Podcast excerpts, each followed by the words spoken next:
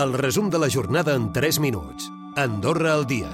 El Col·legi d'Economistes creu que l'any s'acabarà amb una inflació del voltant del 2%. És el que els professionals d'aquest àmbit consideren el màxim tolerable. Recalquen, però, que l'actual incertesa geopolítica pot afectar molt l'evolució del cost de la vida. Ens en parla el president del Col·legi d'Economistes. Si res no canvia, doncs hauríem de tenir a final d'any unes inflacions al voltant d'aquest llindar. De fet, ja les estem tenint a prop d'aquest llindar, a hores d'ara o quasi bé, mm, lleugerament per sobre del 2 o per, lleugerament per sota del 3 a França i Espanya, amb la qual ja, ja comencem a veure aquest horitzó.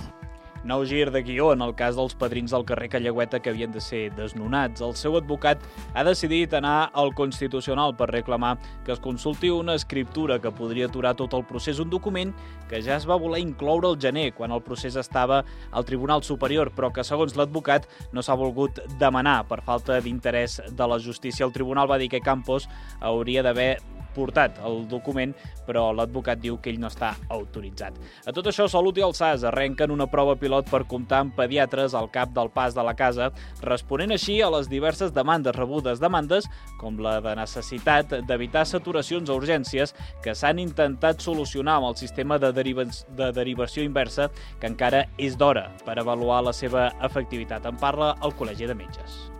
Potser d'aquí un temps el que veiem és que el número de derivacions inverses eh, a l'hospital cap als metges d'atenció primària es manté més o menys estable i dius, ostres, com és que no puja el número de derivacions inverses? Com és que no hi ha una bona acceptació? No, no, és que potser es manté igual o inclús baixa perquè tots aquells que ha passat un temps han vist que per aquest motiu ja no cal anar a urgències, sinó que el pot veure el seu metge d'atenció primària directament, ja no passin per l'hospital i vagin al metge d'atenció primària.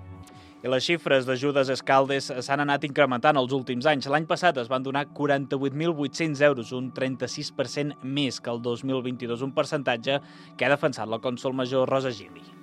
I al final, si algú té un problema social, se l'ajudarà amb, amb ajudes, no? que siguin des del govern o des, de, des del comú. No?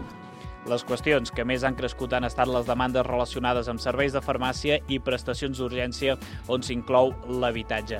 I acabem parlant de l'exposició d'Henri Matís del Centre d'Art d'Escaldes en Gordany, que tanca amb èxit de participants i ho fa assolint un objectiu clar, apropar la part més experimental de l'artista i oferir una exposició alegre i acolorida, un objectiu assolit que també es recolza en les xifres. 4.700 persones han visitat l'exposició veu molt no? observant les reaccions del, del públic. El públic adult ha gaudit molt, de fet jo crec que en certa manera han tornat a ser un, nens i nenes.